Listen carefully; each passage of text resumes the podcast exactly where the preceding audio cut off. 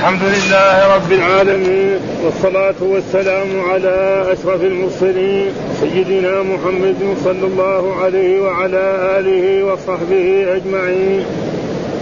قال الإمام البخاري رحمه الله باب لبن الفحل. قال حدثنا عبد الله بن يوسف قال أخبرنا مالك عن ابن شهاب عن عروة بن الزبير عن عائشة أن أفلح أخا أبي القعيس جاء يستأذن عليها وهو عمها من الرضاعة. بعد أن نزل الحجاب فأبيت أن آذن له. فلما جاء رسول الله صلى الله عليه وسلم أخبرته بالذي صنعت فأمرني أن آذن له. باب شهادة المرضعة. قال حدثنا علي بن عبد الله قال حدثنا إسماعيل بن إبراهيم قال أخبرنا أيوب عن عبد الله بن أبي مليكة قال حدثني عبيد بن أبي مريم عن عقبة بن الحارث قال وقد سمعته من عقبة لكني لحديث عبيد احفظ قال تزوجت امرأة فجاءتنا امرأة سوداء. فقالت أرضعتكما فأتيت النبي صلى الله عليه وسلم فقلت تزوجت فلانة بنت فلان. فجاءتنا امرأة سوداء فقالت لي إني قد أرضعتكما وهي كاذبة فأعرض عني فأتيته من قبل وجهي من قبل وجهه قلت إنها كاذبة. قال كيف بها وقد زعمت أنها قد أرضعتكما دعها عنك. وأشار إسماعيل بإصبعه السبابة والوسطى يحكي أيوب باب ما يحل من النساء وما يحرم. وقوله تعالى حرمت عليكم أمهاتكم وبناتكم وأخواتكم وعماتكم. وعماتكم وخالاتكم وبنات الأخ وبنات الأخت إلى آخر الآيتين إلى قوله إن الله كان عليما حكيما. وقال أنس والمحصنات من النساء ذوات الأزواج الحرائر حرام إلا ما ملكت أيمانكم. لا يرى بأسا أن ينزع الرجل جاريته من عبده. وقال ولا تنكحوا المشركات حتى يؤمن. وقال ابن عباس ما زاد على أربع فهو حرام فهو حرام كأمه وابنته وأخته. وقال لنا أحمد بن حنبل قال حدثنا يحيى بن سعيد عن سفيان قال حدثني حبيب عن سعيد بن جبير عن ابن عباس حرم من النسب سبع ومن الطير سبع. ثم قرأ حرمت عليكم أمهاتكم الآية. وجمع عبد الله بن جعفر بين ابنة, ابنة بين ابنة علي وامرأة علي. وقال ابن سيرين لا بأس به. وكرهه الحسن مرة ثم قال لا بأس به. وجمع الحسن بن الحسن بن علي بين ابنتي عم ابنتي عم في ليلة. وكرهه جابر بن زيد للقطيعة وليس فيه تحريم. لقوله تعالى وأحل لكم ما وراء ذلكم وقال وقال عكرمة عن ابن عباس إذا زنى بأخت امرأته لم تحرم عليه لم تحرم عليه امرأته ويروى عن يحيى الكندي عن الشعبي وأبي جعفر في من يلعب بالصبي إن أدخله فيه فلا يتزوجن أمه ويحيى هذا غير معروف ولم يتابع عليه. وعن عكرمة عن ابن عباس إذا زنى بها لا تحرم عليه امرأته. وينكر عن أبي نصر أن ابن عباس حرمه. وأبو نصر هذا لم يعرف بسماعه من ابن عباس ويروى عن عمران. ويروى عن عن عمران بن حسين وجابر بن زيد والحسن وبعض أهل العراق. قال يحرم عليه وقال أبو هريرة لا تحرم عليه حتى يلزق حتى يلزق بالأرض يعني حتى يجامع. وجوزه ابن المسيب وعروة والزهري. وقال الزهري قال علي لا يحرم وهذا مرسل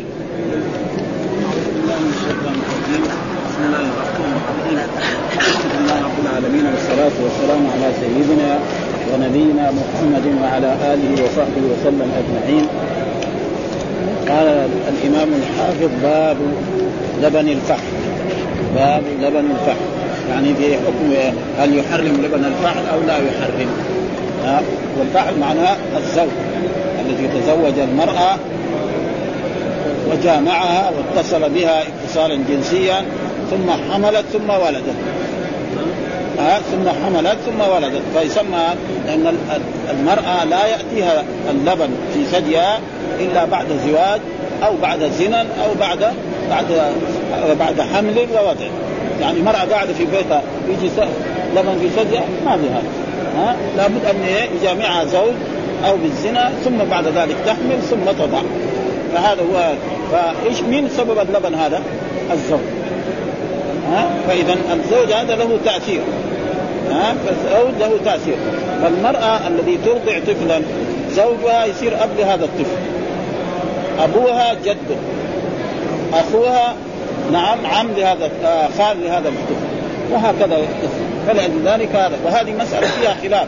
كان بين بعض العلماء في الأول إنه يقول لا ما له أثر لبن الفحم ولكن بعد ذلك للأحاديث الصحيحة هذه الثابتة ثبت أن لبن الفحم هذا اذا باب لبن الفحم باب إيه أن لبن الفحم يحرم فالمراه إذا تزوجت رجلا ثم ولدت من نعم فأرضعت ولدا أو بنتا أو أولادا أو بنات فإن هؤلاء الأولاد والبنات نعم هذه المرأة أم لهذه الأطفال من إيه؟ نعم من جهة الرضاعة وأبوها نعم أب لهؤلاء الأطفال.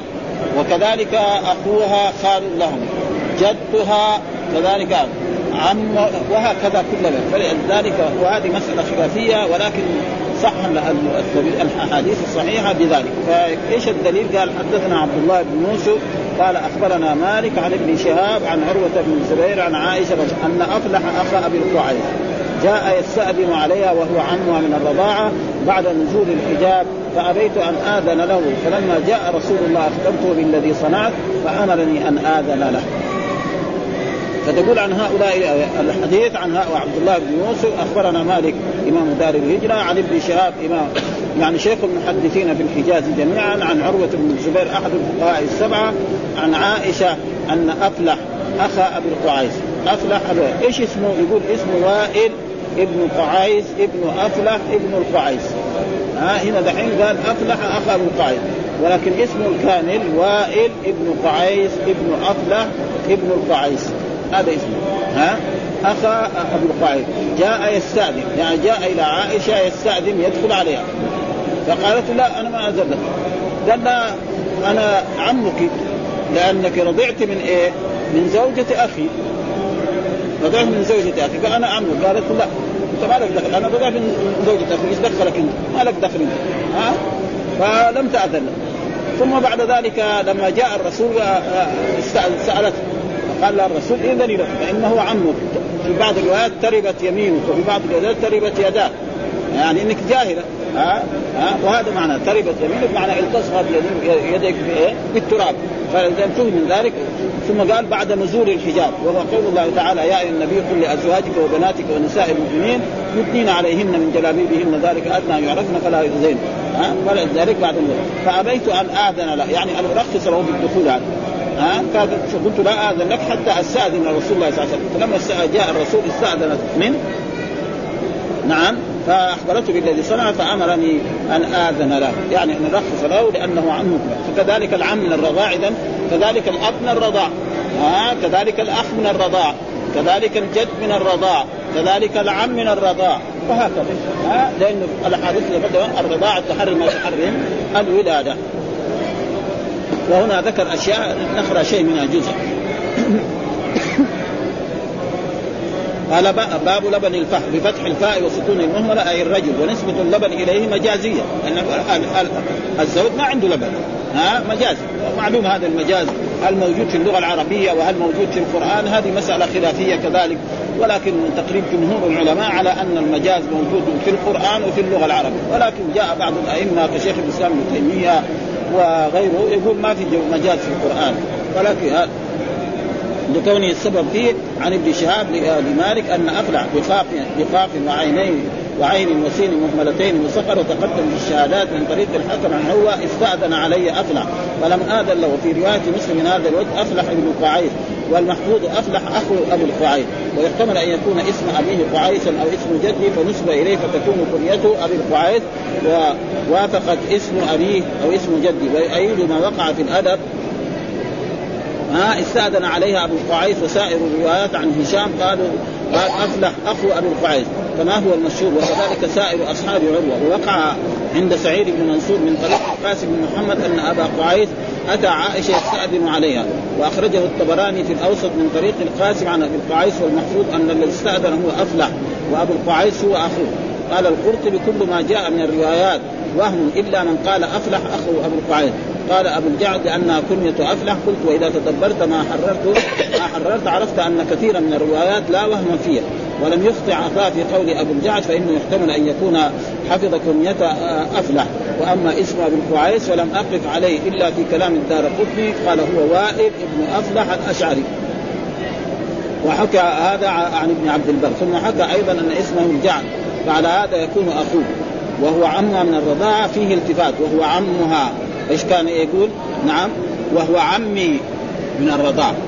وهو عمي من الرضاع. هذا فقال وهو عمها من الرضاع. وكان يقتضي فيه. وهو عمي. وكذلك وقع. فأبيت أن آذن له. وفي رواية عراك الماضي في الشهوة قال أتحتجبين مني وأنا عمك؟ وفي رواية شعيب. نعم كما مضى في تفسيره.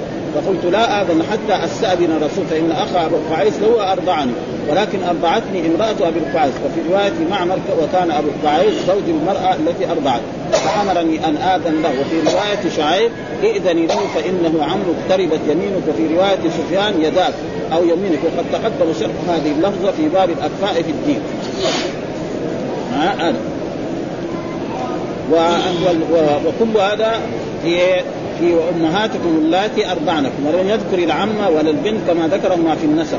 وأجابوا بأن تخصيص الشيء بالذكر لا يدل على آه، نفي الحكم، يعني الله قال وأمهاتكم التي أرضعنكم، واحد يجي سايب فلسفة يقول الله قال وأمهاتكم التي أرضعنكم، فاذا آه، الزوج لا دخل له، أخوها لا دخل له، عمها لا دخل له، يقول له لا المسألة الأحكام الشرعية ما تجي مرة واحدة، كل أحكام شرعية تجي هنا وتجي هنا وتجي هنا وتجي هنا فالاحكام الشرعية ما تجي في آية واحدة ابدا ولا تجي في حديث واحد ها؟ فهنا قالوا امهاتكم التي ارضعنكم يجي واحد من طلبة العلم أو عالم يقول خلاص الله قال أمهاتكم التي ما قال مثلا آه، آه، آه، الزوج الأب الذي يكون سبب الرضاع أو العم أو الأخ فلذلك يعني لا لا يلزم من ذلك انه والجواب أنه قياس في مقابلة النص فلا يلتفت. وأيضا فإن سبب اللبن هو ماء الرجل والمرأة معا. ووجب أن يكون الرضاع منهما كالجد لما كان سبب الولد. وجب تحريم ولد الولد به لتعلقه بولد. وإلى هذا أشار ابن عباس في قوله هذا اللقاح واحد. ها وهو إيه؟ الرجل. اخرج ابن أبي شيبة. وأيضا فإن الوضع يضر اللبن فللفحل فيه نصيب. يعني المرأة ما يمكن قاعدة في بيتها يجيها اللبن في ثديها أبدا. ها؟ وإذا جاءها بعض الجدات يرضع أولاد بناتها.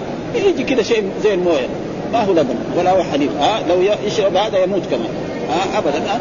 ومثلا جدة عندها طفل لبنتها أو لهذا تمسك السن أيام وشهور فيقوم يخرج شيء قليل شبه اللبن ولكن هو في الحقيقة ليس بلبن. فاللبن لا يأتي في المرأة إلا بعد إيه؟ بعد وطء وجماع وحمل وولادة.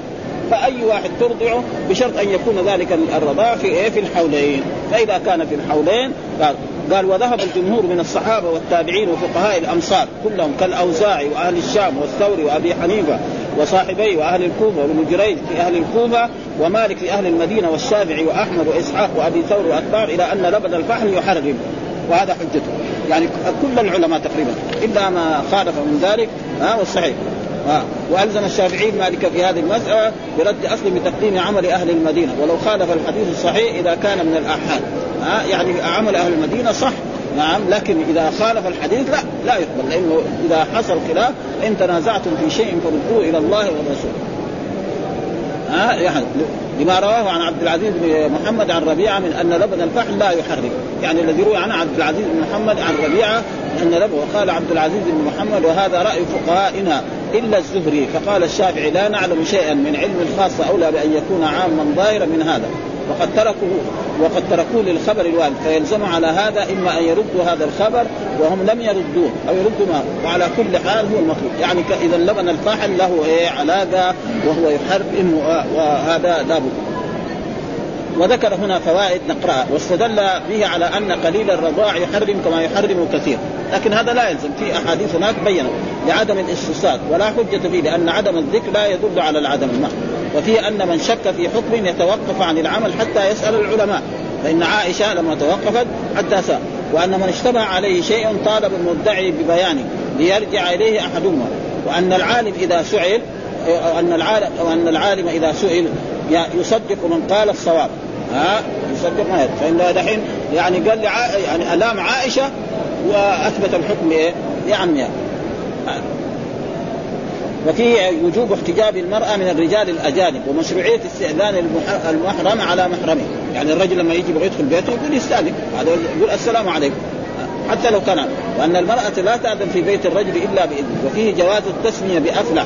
ويؤخذ من أن المستفتي, المستفتي إذا بادر بالتعليل قبل سماع الفتوى. أنكر عليه لقولها تربت يمينك قال لا تربت يمينك فإن فيه إشارة إلى أنه كان من حقها أن تسأل عن الحكم فقط. ولا تعلل لأنه قالت له إيه؟ إن الذي أرضعني زوجة أخيك. إيش دخلك هي كان قبل لا تقول له هذا الكلام تقول له لا أنا أسأل رسول الله صلى الله عليه وسلم. والرسول يقول تعال فهي قامت علت. انت أنت ما ارضعتني ها؟ و... و... إنما أرضعني زوجة أخيك. ولا دخل لك. هذا التعليل خربان يعني. ها؟ فلذلك فهذه فوائد عظيمة يعني. الحافظ حجر إمام حديث ثم بخلاف أن العمل بما رأى لا بما رأى. والصحيح أن العمل دائما بما روى ها؟ وإن كان بعض العلماء يقول هذا فدائما نرجع إلى إلى ما إلى ما رواه الراوي. أما صح أن الاعتبار لبن ذكره مالك في الموطأ وسعيد بن منصور في السنن وأبو عبيد في كتاب النكاح وأخذ الجمهور ومنهم الحنفية بخلاف ذلك وعملوا بروايتها في قصة أخي ابي القعيس وحرموه بلبن الفحل فكان يلزمهم على قاعدتهم أن يتبعوا عمل عائشة ويعرض ويعرض عن روايتها ولو كان هذا رأيها غير ذلك. ثم ذكر باب شهادة المرضعة. آه شهادة يعني إذا جاءت مرأة وشهدت أني أرضعتك أيها الزوج وأيتها المرأة. فهل يقبل شهادتها؟ هذا لا يفتح الباب على مصراعي، إذا فتح الباب على مصراعي كل مرأة تبغى تفسد بين رجل وزوجته تجي وهي كبيرة في السن تجي تقول والله أنا أرضعتكم ها وتخرب بيوت يعني في في في في, في البلد. ها؟ ها؟ فإذا فتح الباب على مصراعي يصير فساد عظيم، أي مرأة ها؟ عفريتة تيجي تدخل بيته كيف أنتم متزوجين كذا؟ أنا أرضعتك وأرضعت زوجتك. فيصير فلا يفتح على مصراعي ولا يغلق. ها؟ فإذا وهذا فيه دليل على أن مثل هذه الأشياء يقبل منها شهادة المرأة. زي الرضاع. لأن الرضاع ما يحضر الرجال. فالمرأة إذا شهدت أن أرضع يعني هذا محل. كذلك في مسألة الولادة. لأن الرجال ما يحضر. الرجل قد تلد زوجته وما كان حاضر. فهل هذا الولد حي أو ميت؟ وهل هو ذكر أو أنثى؟ مين يثبت؟ الذي حضرنا إيه؟ الولادة. ففي بعض المحلات يعني في بعض المحلات شهادة المرأة يمكن مقدمة على الرجال. فلذلك قال شهادة المرضعة. هل تقبل أم لا؟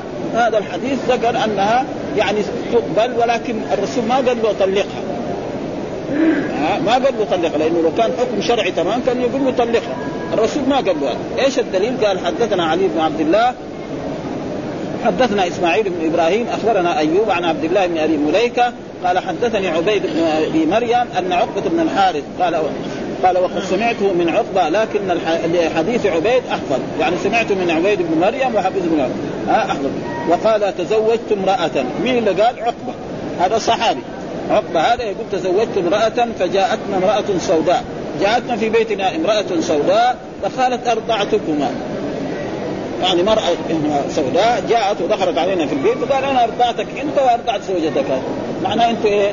أختين من الرضاع فكيف؟ ها؟ كيف تكون تتزوج أختك من الرضاع؟ والقرآن يقول حرمت عليكم أمهاتكم وبناتكم وأخواتكم ها وبعدين ونعم جاء في وامهاتكم اللاتي ارضعنكم وثبت يعني الرضاعة تحرم ما تحرم النسب. فأتيت النبي صلى الله عليه وسلم فقلت تزوجت فلانة بنت فلان ما ذكر اسمها. ها؟ فجاءت امرأة سوداء فقالت لي إني قد أرضعتكما وهي كاذب وما يبغى هذا كذابة هي. ها؟ وهي كاذب فأعرض عني. يعني عارض الرسول عنه.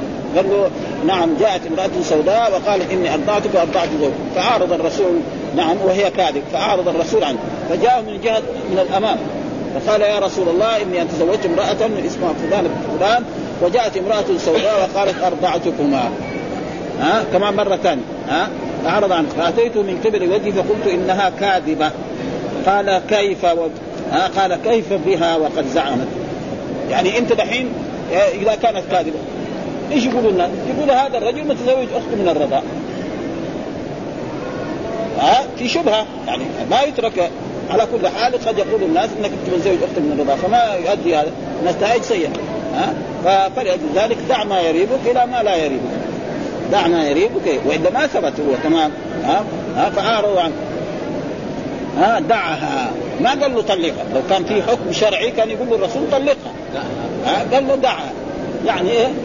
قال فارقه النساء غيرها كثير. لأنك بعدها يقول فلان هذا متزوج أخته.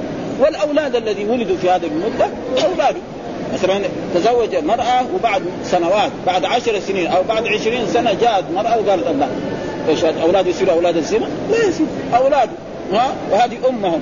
لكن يفرق بينهم. ها؟ ها؟ ما ما ولا يصير في اسم ها فعارف بس اذا بقت عنده يكون امكانه فعارف فاتيت من قول وجه فقلت قد بعد دعها عنك ها دعها يعني اتركها هذا معنى وهذا الامر على وجه الوجوب الجواب لا ها لو كان على وجه كان يقول له طلقها ها أنا. ها واشار اسماعيل اسماعيل باصبعه السبابه والوسطى يحكي ايوب واشار باصبعه السبابه نعم والوسطى يعني كذا سوى. ظاهر كذا. أنا يعني ما شوف ما شرح. لكن أنا دحين فهمت فهم وإذا بعض إخواننا فاهم احسن مني يقول لي. يعني قال له كذا. يعني اتركها. لأنه يقول له قال له دعها. وقال له باصبع السباب كذا. يعني معناه صعيبه هذا هذا هذا فهم. لأنه ما شرحها. وهذا صواب أو خطأ. الله أعلم. وعلى كل حال هذا يعني فهم بين الصواب ورحمه لأنه ما شرح الحافظ. ها قال أخذ باصبعه السبابة والوسطى هذه السبابة نعم هذه السبابة وهذه الوسطى.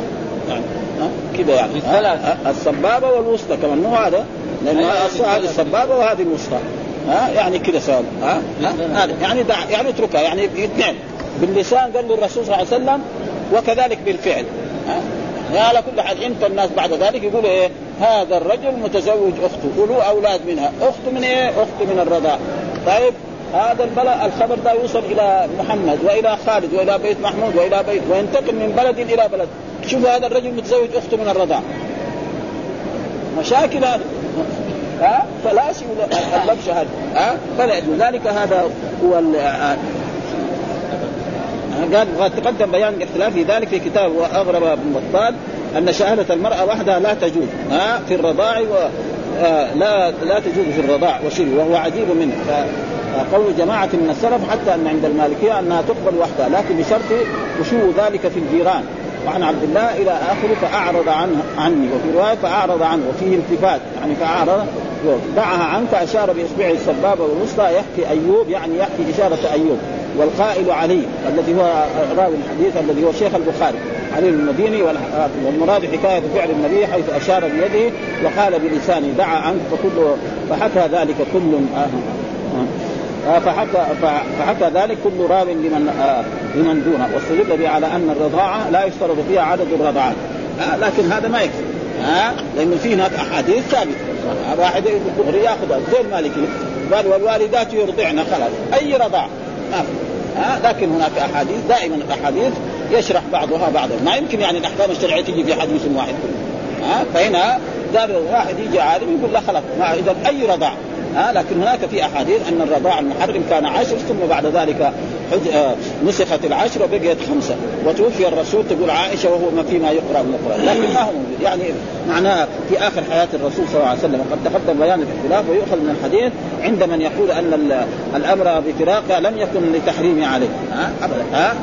بقول المدعى بل الاحتياط أن يحتاط من يريد أن يتزوج أو يزوج ثم اطلع على أمر فيه خلاف بين العلماء كمن زنى بها أو باشرها بشهوة أو زنى بأصله أو فرعه أو خلقت من زناه بأمها أو شك في تحريمها عليه عليه. ثم ذكر باب ما يحل من النساء وما يحرم.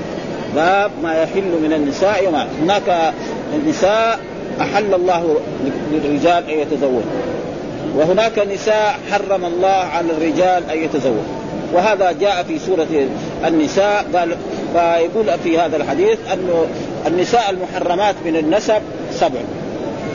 والنساء المحرمات من بسبب السهارة يعني بسبب الزواج والسهارة سبع. إيش هي؟ وهي هذه الآية التي فيها. حرمت عليكم أمهاتكم. هذه بسبب النسب.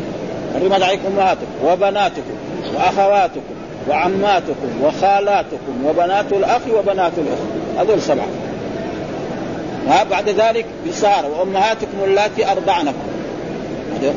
وأخواتكم من الرضاعه وهذا على وجه الجواز.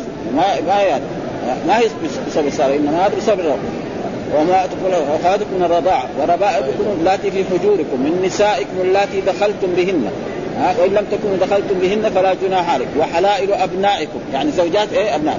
الذين من اصلابكم وأن تجمعوا بين الأختين إلا ما سلف إن الله كان غفورا رحيما. بعدين قال والمحصنات من النساء. يعني المحصنات معنى العفيفات الحرائر. إيش معنى المحصنات؟ الحرائر من النساء. أي مرأة متزوجة حرة متزوجة فحرام عليك. ها؟ يعني الرجل أي مرأة متزوجة حرة لرجل آخر حرام عليه لا يجوز يزوج والمحصنات إلا ما ملكت ايمانكم إلا إذا ما ملكت أيمانكم فالرجل يكون مثلا عنده أمة ويكون مزوجها لعبد أو مزوجها لشخص ما له يطلقها من ذلك الزوج يتزوجها. ها؟ رجل عنده أمة وكان زوجها لرجل أو زوجها لعبد له أن ينزعها من العبد ويتزوجها ويتفرى بها. أما مرأة فلان حرام عليه. هذا هو المحصنات معنى المحصنات الحرائر. ها؟ العفيفة إلا ما ملك كتاب الله عليكم. وأحل لكم ما وراء ذلك. غير هذول يجي واحد طيب وأحل لكم ما وراء ذلك. كل النساء بعد ذلك؟ لا. ليس كل المحرمات لأنه في هناك محرمات غير ذلك. جاءت في إيه؟ مثلا نهى الرسول أن يجمع بين المرأة وبين عمتها وبين المرأة وبين خالتها هذه ما جاءت في القرآن لكن جاءت في إيه؟ في السنة. ها؟ هذا. ها؟ جاءت في السنة. فلذلك آه، آه، في هذا في قوله في في قول يعني إيش؟ والمحصنات من النساء إلا ما ملكت أيمانكم كتاب وأحل لكم وراء ذلك ان تبتغوا بأموالكم محسنين غير مساف فما استمتعتم منهن فآتوهن أجورهن فريضة ولا جناح عليكم فيما تراضيتم به من بعد الفريضة. إن الله كان عليما حكيما. وقلنا كان دائما معناها لما تيجي في الرب معناها أنه لم يزل. يعني في الماضي وفي الحال وفي الاستقبال فهذه هي الآية. بينت إيه أن المحرمات يعني سبع من بسبب النسب وسبع بسبب الصهارة فهذه المحرمات. ولا يلزم من ذلك واحد يقول لا ما في محرمات غير هذا. فإنه ثبت في أحاديث أخرى منها مثلا نهى الرسول أن يجمع بين المرأة وبين عمتها وبين المرأة وبين خالتها. نعم. ولكن جاب آثار إنه حصل من بعض السلف أنه يجمع بين المرأة وبين الناس فهل هذا فيقول حرمت عليكم أمهاتكم وبناتكم وأخواتكم وعماتكم وخالاتكم وبنات الأخ وبنات الأخت. ها هذا هذول السبعة. وأمهاتكم اللاتي أرضعنكم. إلى آخر الآيتين. إن الله كان عليم. وقال أنس والمحصنات من النساء. إيش المحصنات من النساء؟ يعني النساء ذوات الأزواج الحرائر. أي مرأة متزوجة لخالد فأنت حرام عليك. ها أي مرأة متزوجة لمحمود أنت حرام حتى يطلقها وتعتد أنت تبغى تخطبها تخطبها وتتزوجها. أما ما دامت هي متزوجة رجل مسلم نعم فهذا مع ذوات الأزواج الحرائر إلا ما ملكت يمينكم. إلا ما ملك. أما إذا كان أنت تملكها فقال لا يرى بأسا أن ينزع الرجل جاريته من عبده، رجل يكون متزوج يعني عنده أمة مملوكة ومزوجها لعبده. فله أن ينزعها من العبد بعد ما ينزعها من العبد يستبرئها بحيضة ثم يجامعها أن ينزع الرجل من عبده قال ولا طيب هذا واحد. ها دليل. كذلك هذه دحين ذكر كم؟ سبعة وسبعة. أضاف اليه ولا تنكحوا المشركات حتى يؤمنوا. يعني كمان من المحرمات. يعني واحد لا يجي يقول بس الله قال حرم هذول السبعة وهذول السبعة. ما في غيرهم. لا يصير في غيرهم. فين غيرهم. ولا تنكحوا المشركات حتى فالمشركه لا يجوز للرجل أن يتزوجها نعم الكتابية جائز ها؟ نعم. والمحصنات من الذين أوتوا الكتاب إذا اتيتهن أجورهن محسنين غير مسلمين هذا جائز. أما المشركه فلا يجوز للرجل المسلم أن يتزوج. ها؟ هذا. فهذه اذا مع السبعة ذولاك والسبعة هذه تصير إيه؟ يعني آه الخامسة عشر. هذا. ولا حتى قال ابن عباس ما زاد على أربع. طيب كذلك يعني الرجل إذا تزوج أربعة إذا تزوج الخامسة اذا حرام صار كم؟ 16 اذا ها؟ ها؟ كذلك واحد متزوج بسبعة أو ثمانية. اذا السادسه والسابعه والثامنه والتاسعه والعاشره هذول كلهم حرام. ها؟ ها؟ فأجل يعني شيء عظيم جدا. ها؟ هذا. ما زاد على أربع فهو حرام. كأمه وبنته وأخته. كما أن أمه حرام وبنته حرام وأخته التي في النسب. ليه؟ لأنه هذا ثبت في إيه؟ في أشياء لا تنكح المشركات لأن فلذلك ليس معنى الآية هذيك حرمت ما في غيرها. فثبت لنا في الأحاديث الصحيحة والقرآن أن المشركات محرمة. نعم؟ وأن ما زاد على أربع حرام.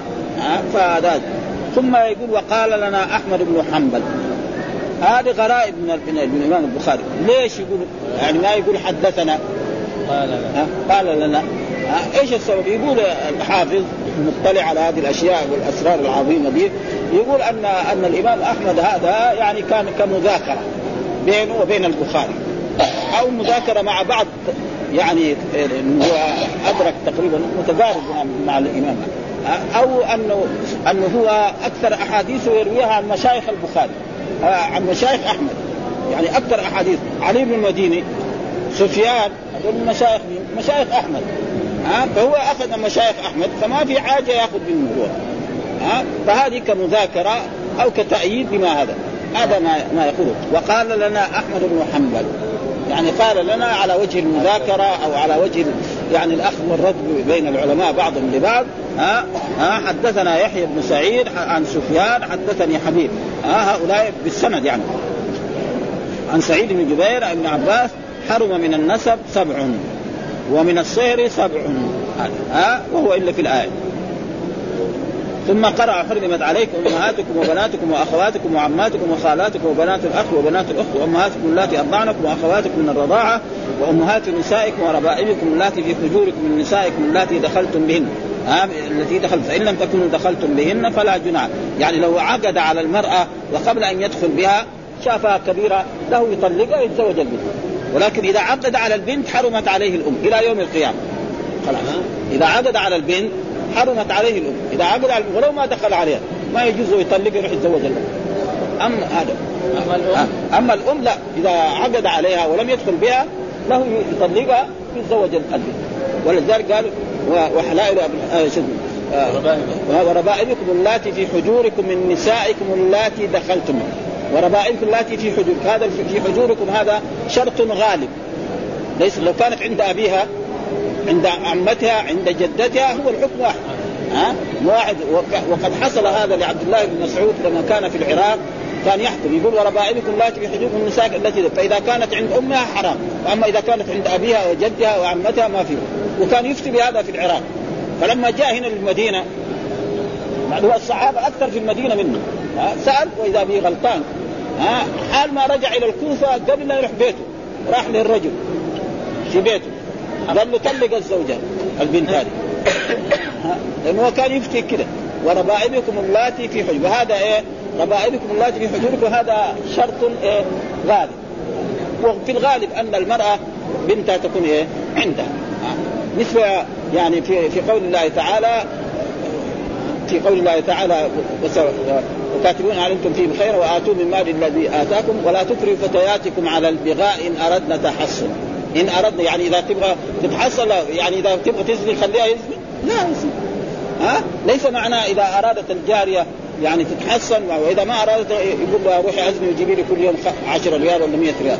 هذا شرط غالب. ولأجل ذلك هنا وسبع وهو وربائبكم اللاتي دخلتم به فإن لم تكونوا دخلتم بهن فلا جناح عليكم وحلائل أبنائكم الذين من اصلابكم بخلاف إيه قصة زيد زيد وأن تجمعوا بين الأختين. إلا ما قد سلم إنه كان هدى والمحصنات من النساء كذلك إلا ما ملكت أيمانكم. نعم هذا. بعد ذلك يقول هنا وجمع عبد الله بن جعفر بين ابنة علي وامرأة علي. ها؟ ليش الله حرم الجمع بين الأختين؟ لأنه يؤدي سبب القطيعه ها؟ الرجل مثلا هذه أختي الأخت هذه متزوجة محمد. فأختها لو تتزوج محمد بعد ما كانت تقول لها أخت تصير ضرة. والضرة معروف إيش بينهم؟ ها؟ ها؟ تصير طبينة وتصير ضرة. فهذا يؤدي كذلك الرسول نهى عن جمع بين بين المرأة وبين عمتها، ليش السبب؟ القطيعه لأنه إذا كانت تقول لها عمتي لما يتزوج هذا تصير ضره فلذلك فلذلك هنا يقول بعض الناس يعني بعض العلماء وجمع الحسن بين ابنة علي وامرأة علي. ابنة علي وامرأة يعني تزوج ابنة علي وامرأة علي. ها؟ فهذا عبد الله بن جعفر من آل البيت. ها؟ ابن علي. و... علي. إيه. جعفر أخو علي. لا لا جمع الحسن ابن الحسن ابن علي. ها؟ إيه. لسه عبد الله بن جعفر بين ابنة علي وامرأة علي. ابنة علي صارت طبينة لإيه؟ لامرأة علي. قال ابن سيرين لا بأس. ابن سيرين هو محمد بن سيرين من تلاميذ يعني مولى لإيه؟ لأنس بن مالك لا بأس به. هذا يقول ابن سيرين لا. قال وكرهه الحسن مرة. من الحسن؟ الحسن البصري. المراد بالحسن هنا مرة. ثم قال لا بأس به. ليه هذا؟ إيش السبب إلا قالوا مكروه؟ يعني ما قال حرام. حرام يخافوا العلماء الأولين. ليه؟ لأنه هذا يسبب القطيعه ها؟ بنت علي وزوجة علي. كانت بنتها دحين تصير طبينة. مش كده هذه؟ ها؟ ها؟ ها؟ إيوه من غيرها إيوه. من غيرها ما في شك من غير من غير اي فهذا الحسن يعني جمع بينهم. فقال بعض العلماء مكروه. وبعضهم قال ما في شيء. ها؟ ليش؟ إيش الذين قالوا مكروه أو حرام؟ إيش السبب؟ لأن هذا يسبب القطيعة. بعد ما كانت تقول لها إيه؟ تقول لها خالتي أو تقول لها أمي تصير طبينة. مشاكل. ولا لا؟ صارت ضرة يعني. فلذلك هذا ما فقال لا بأس. وكرهه الحسن. يعني ما قال حرام لأن الناس الأولين يخافوا. ثم قال لا بأس به. وجمع الحسن الحسن بن الحسن بين علي آه بن علي بين ابنتي عم في ليلة. ابنتي عم في ليلة. مع أن الرسول نهى أن يجمع بين المرأة وبين عمتها. ها في ليلة واحدة تزوج هذه وتزوج دخل بينهم في ليلة واحدة. راح خطب من من, من ابن عمه وكذلك راح خطب الثاني ودخل عليهم في ليلة واحدة. وكرهه جابر بن زيد. جابر بن زيد أحد الصحابة. ها للقطيعة. إيش السبب؟ قطيعه ها بعد ما كانت تقول لها عمتي تصير إيه؟ طبينة. وهذه يعني آه آه يعني كلها هذه تعليقات. هذه كلها تعليقات علقها الإمام البخاري في في هذا. وليس فيه تحريم. يعني ما في حد ما قال حرام. كلهم قالوا كره وبعضهم قال يجوز. ليه؟ لأنه يسبب إيه؟ القطيعه لقوله تعالى وأحل لكم ما وراء ذلكم. إيش الدليل؟ نعم ما نقدر نقول حرام. يعني خافوا حراما العلماء الأولين. ابدا ها, ها؟ وقال عكرمة عن ابن عباس إذا زنى بأخت امرأته لم تحرم عليه. وقال عكرمة عكرمة إيش هو ده؟ يعني مولى لابن عباس رضي الله تعالى وتلميذه الخاص. نعم. ما ابن جهل؟ لا لا. عكرمة عكرمة بن أبي جهل ما عاش كثيرا. وقال هنا وقال عكرمة عن ابن عباس وهذا قال هذا يعني تقريبا تعليق. وقال عكرمة يعني إذا زنى بأخت امرأته لم تحرم عليه. ها يعني مثلا معروف أنه إذا زنى باخت امراته الأحكام الشرعية الجمع بين الأختين. ها وأن تجمعوا بين الأختين. طيب واحد حصل منه أن زنى بأخت زوجته. هل تحرم عليه؟ بعض العلماء قال تحرم عليه. تحرم على زوجته إيه؟ تحرم عليه هو. إذا من زوج فاطمة وراح زنى بأختها الرجل فإنها تحرم عليه، الصحيح لا تحرم عليه، هذا ما كلام، لم تحرم عليه، ليه؟ لأن الأشياء الموجودة في القرآن وأن تجمع بين الأختين بطريق إيه؟ طريق العقد الزواج. ها؟ بطريقه الزواج الشرعي. أما بطريقه الفجور هذا ما له دخل. الاحكام الشرعية ما لها دخل. ها؟ راح سنه بيد لا يعني ذنبه على جنبه أما تيجي أحكام شرعية نثبتها عليه فلذلك وهناك من العلماء من يقول كذا. يعني يوجد علماء يقولون ذلك لكن قال إن تنازعتم في شيء فردوه إلى الله وإلى الرسول. إذا زنى بأخت امراته لم تحرم عليه امرأته ويروى عن يحيى الكندي عن الشعبي وأبي جعفر في من يلعب بالصبي يقول هذا يحيى الكندي غير معروف العدالة. ها غير معروف العدالة. هذا معنى. بعدين ذلك هو قال يعني ويحيى غير معروف العدالة. لكن الجهالة لا. يقول غير معروف العدالة. وأما الجهالة فقد ارتفع عنه. يعني البخاري ذكره. ها؟ فهو يعني ما هو مجهول لأنه في يعني هل هو عدل ثقة؟ هذا ما البخاري ما قدر يثبت. لكن مجهول ما هو مجهول لأنه روى عنه. عن الشافعي عن في من في من يلعب بالصبي إن أدخله فلا يتزوجن أمه. يعني معناه إنه لو فرض أن شخصا نعم يعني لاط بصبي فليس له أن يتزوج أمه. هذا معنى الكلام. يعني شخص رجل لاط بولد ها عمل معه فعل اللواط بان أتاه من دبره فهل لو يتزوج أمه؟ فهؤلاء يقولوا لا فلا يتزوجن أمه. برضه هذا ما هو صحيح لأنه هذا هذا ما هو معروف العدالة. ها؟ ما هو معروف العدالة. فلا يتزوجن امه ويحيى هذا غير معروف. يعني غير معروف العدالة. فإذا ما هو معروف العدالة ما يقبل كلامه ها؟ هذا هو المعنى. ولم يتابع عليه. يعني ما تابعه العلماء. لأن الأحكام الشرعية تثبت بالنكاح الشرعي. أما بالأشياء اللي مثل هذا آه. وعن عكرمة عن ابن عباس إذا زنى بها لا تحرم عليه امرأته. إذا زنى بها إذا زنى بأخته بأخت المرأة لا تحرم عليه. ها. ويذكر عن أبي نصر أن ابن عباس حرمه ويذكر شوف دائما البخاري إذا قال ويذكر معناه هذا إيه؟ ضعيف يعني تعليق ضعيف لما يجي يقول أخبرني أو روى فلان كذا أما لما يقول يذكر معناه هذا التعليق إيه؟ فيه ضعف وحرمه وأبو النصر هذا لم يعرف بسماعه من ابن عباس خلاص ها هذا ويروى عن عمران ها ابن حسين وجابر بن زيد والحسن و وبعض أهل العراق. يقول من أهل العراق؟ يقول الثوري. سفيان الثوري. المراد بعد العراق سفيان الثوري أهل العراق. أهل العراق. إيش المراد به في صحيح البخاري هنا في هذا المكان؟ المراد به يعني هؤلاء الثلاثة دول ها يروى عن عمران بن حسين هذا صحابي وجابر بن زيد هذا صحابي والحسن. المراد بالحسن الحسن البصري. وبعض أهل العراق ها وهو سفيان الثوري قال يحرم عليه.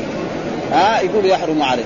وهذا ما في أدلة. والأحكام الصحيحة الأحكام الشرعية لا تثبت إلا بالنكاح الصحيح. وأما بطريق الزنا وبطريق هذا ف...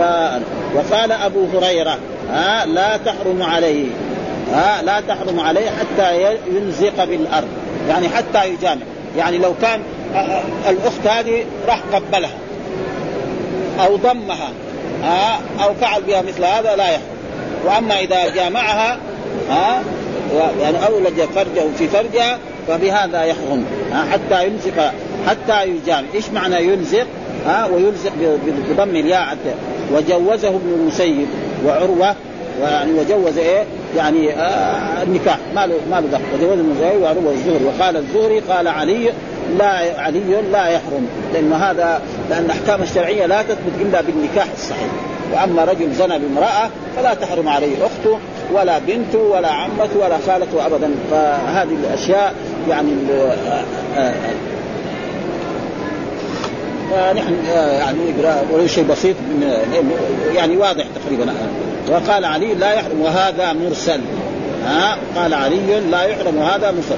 قال الزهري لأن الزهري ما أدرك علي بن أبي طالب. ها لا ها هذا معنى باب يحل. حرمت عليكم أمهاتكم كذا لأبي ذر وساق في رواية كريمة إلى قوله وبنات ثم قال إلى قوله عليما حكيما وذلك يشمل الآيتين فإن الأولى إلى قوله غفورا رحيما وقال أنس والمحصنات من النساء ذوات الأزواج الحرائر حراما إلا ما ملكت ايمانه لا يرى بأسا أن ينزع الرجل جاريته وفي رواية الإسمين جاريه جارية من عبد وصله إسماعيل القاضي في كتاب الأحكام أحكام القرآن بإسناد صحيح من طريق سليمان التيمي عن أبي منجز عن أنس أنه قال والمحصنات ذوات الأزواج الأحرار إلا ما ملكت يمين فإذا هو لا يرى ها فإذا هو لا يرى بما بما ملك اليمين بأسا أن ينزع أن ينتزع الرجل الجارية من عبده فيطأها وأخرجه ابن أبي شيبة من طريق أخرى عن التيم بلفظ ذوات ذوات البعور وكان وكان يقول بيعها طلاقها والأكثر على أن المراد بالمحصنات ذوات الأزواج يعني أنهن حرام وأن المراد بالاستثناء في قول إلا ما ملكت أيمانكم المسلمات بعد ما نقول المراد بما ملكت أيمانكم يعني يكون المسلمون يجاهدون الكفار ويسبون النساء الكفار. فهؤلاء المسلميه لازم ما يجامعها ولا يتصل بها يعني له أن يتصل بها له أن يتصل بها بعد أن يستبرئها بحيث يعني مثلا في عهد الرسول كان يجاهد الكفار فياخذ النساء. فإذا اخذوا النساء ماذا يأخذها اليوم ويروح يجامعها لا. ها يستبرئها بحيض فإذا حاضت كانت من ذوات الحيض خلاص له أن يجامع. ولو كانت متزوجة. ها فإن هذا هذا هذا. وقال قال الله تعالى ولا تنكحوا المشركات حتى أشار بهذا إلى التنبيه على أن من حرم نكاحها زائدا على ما في الآيتين فذكر المشركه قد استثنيت الكتابية والزائد على الرابع فدل ذلك على أن العدد الذي يقول من أبي العباس الذي بعده لا مفهوم له وإنما أراد حسب ما في الآيتين. يعني سبعة في الآيات هذه سبعة من سبب بسبب النسب وسبعه وسبعة بسبب ليس معناه أنه ما في محرمات غير هؤلاء. يروح يفهم إنسان بس المحرمات سبعة وسبعة. لا دحين ثبت عندنا المشركة وثبت الزيادة على أربعة وخمسة وستة هذا. ها وما زاد على أربع فهو حرام كأمه وابنته وأخته ها؟ كما أن أمه وبنته حرام. كذلك إذا رجل راح تزوج له ستة لأنه استعمل هذه في الموصوفات وربما استعملها فيما هذا والذي هنا من الشق وليس للمصنف في هذا الكتاب رواية عنه الا في هذا وأخرج عن عنه في آخر المغازي حديثا الواسي وكأنه لم يكثر عنه لأنه في رحلته القديمة لقي كثيرا من مشايخ أحمد واستغنى بهم. وفي رحلته الأخيرة كان أحمد قد قطع الحديث فكان لا يحدث إلا نادرا فمن ثم أكثر البخاري عن علي بن المديني دون أحمد وسفيان المذكور في هذا الإسناد هو الثوري وحريب هو ابن أبي ثابت وحرب من النسب سبع ومن السهر سبع. وفي رواية مهدي عن سفيان هذا. وفي لفظ حرمت عليكم ثم قرأ حرمت عليكم أمهاتكم الآية وفي رواية يزيد بن هارون. وإلى هذا آه, آه، وإلى هذه الرواية أشار المصنف بقوله في الترجمة إلى عليما حكيما. فإن آخر الآيتين وقع عند الطبراني. وفي آخر ثم قرأ حرمت عليكم أمهاتكم. ولا تنكحوا ما نقع آباؤكم من النساء. فقال هذا الصير انتهى فإذا جمع بين الروايتين كانت الجملة خمسة عشر امرأة وفي تسمية ما هو بالرضاع صهرا تجوز. ما يسمى يعني صهرا. هذا بالرضاع. و هذا التأويل بل إلا الجمع بين الأختين وامرأة الغير ويلتحق بما ذكر موضوعة الجد. يعني إذا كان جد تزوج مرأة وطئة خلاص وإن على وأم الأم ولو ولو علت.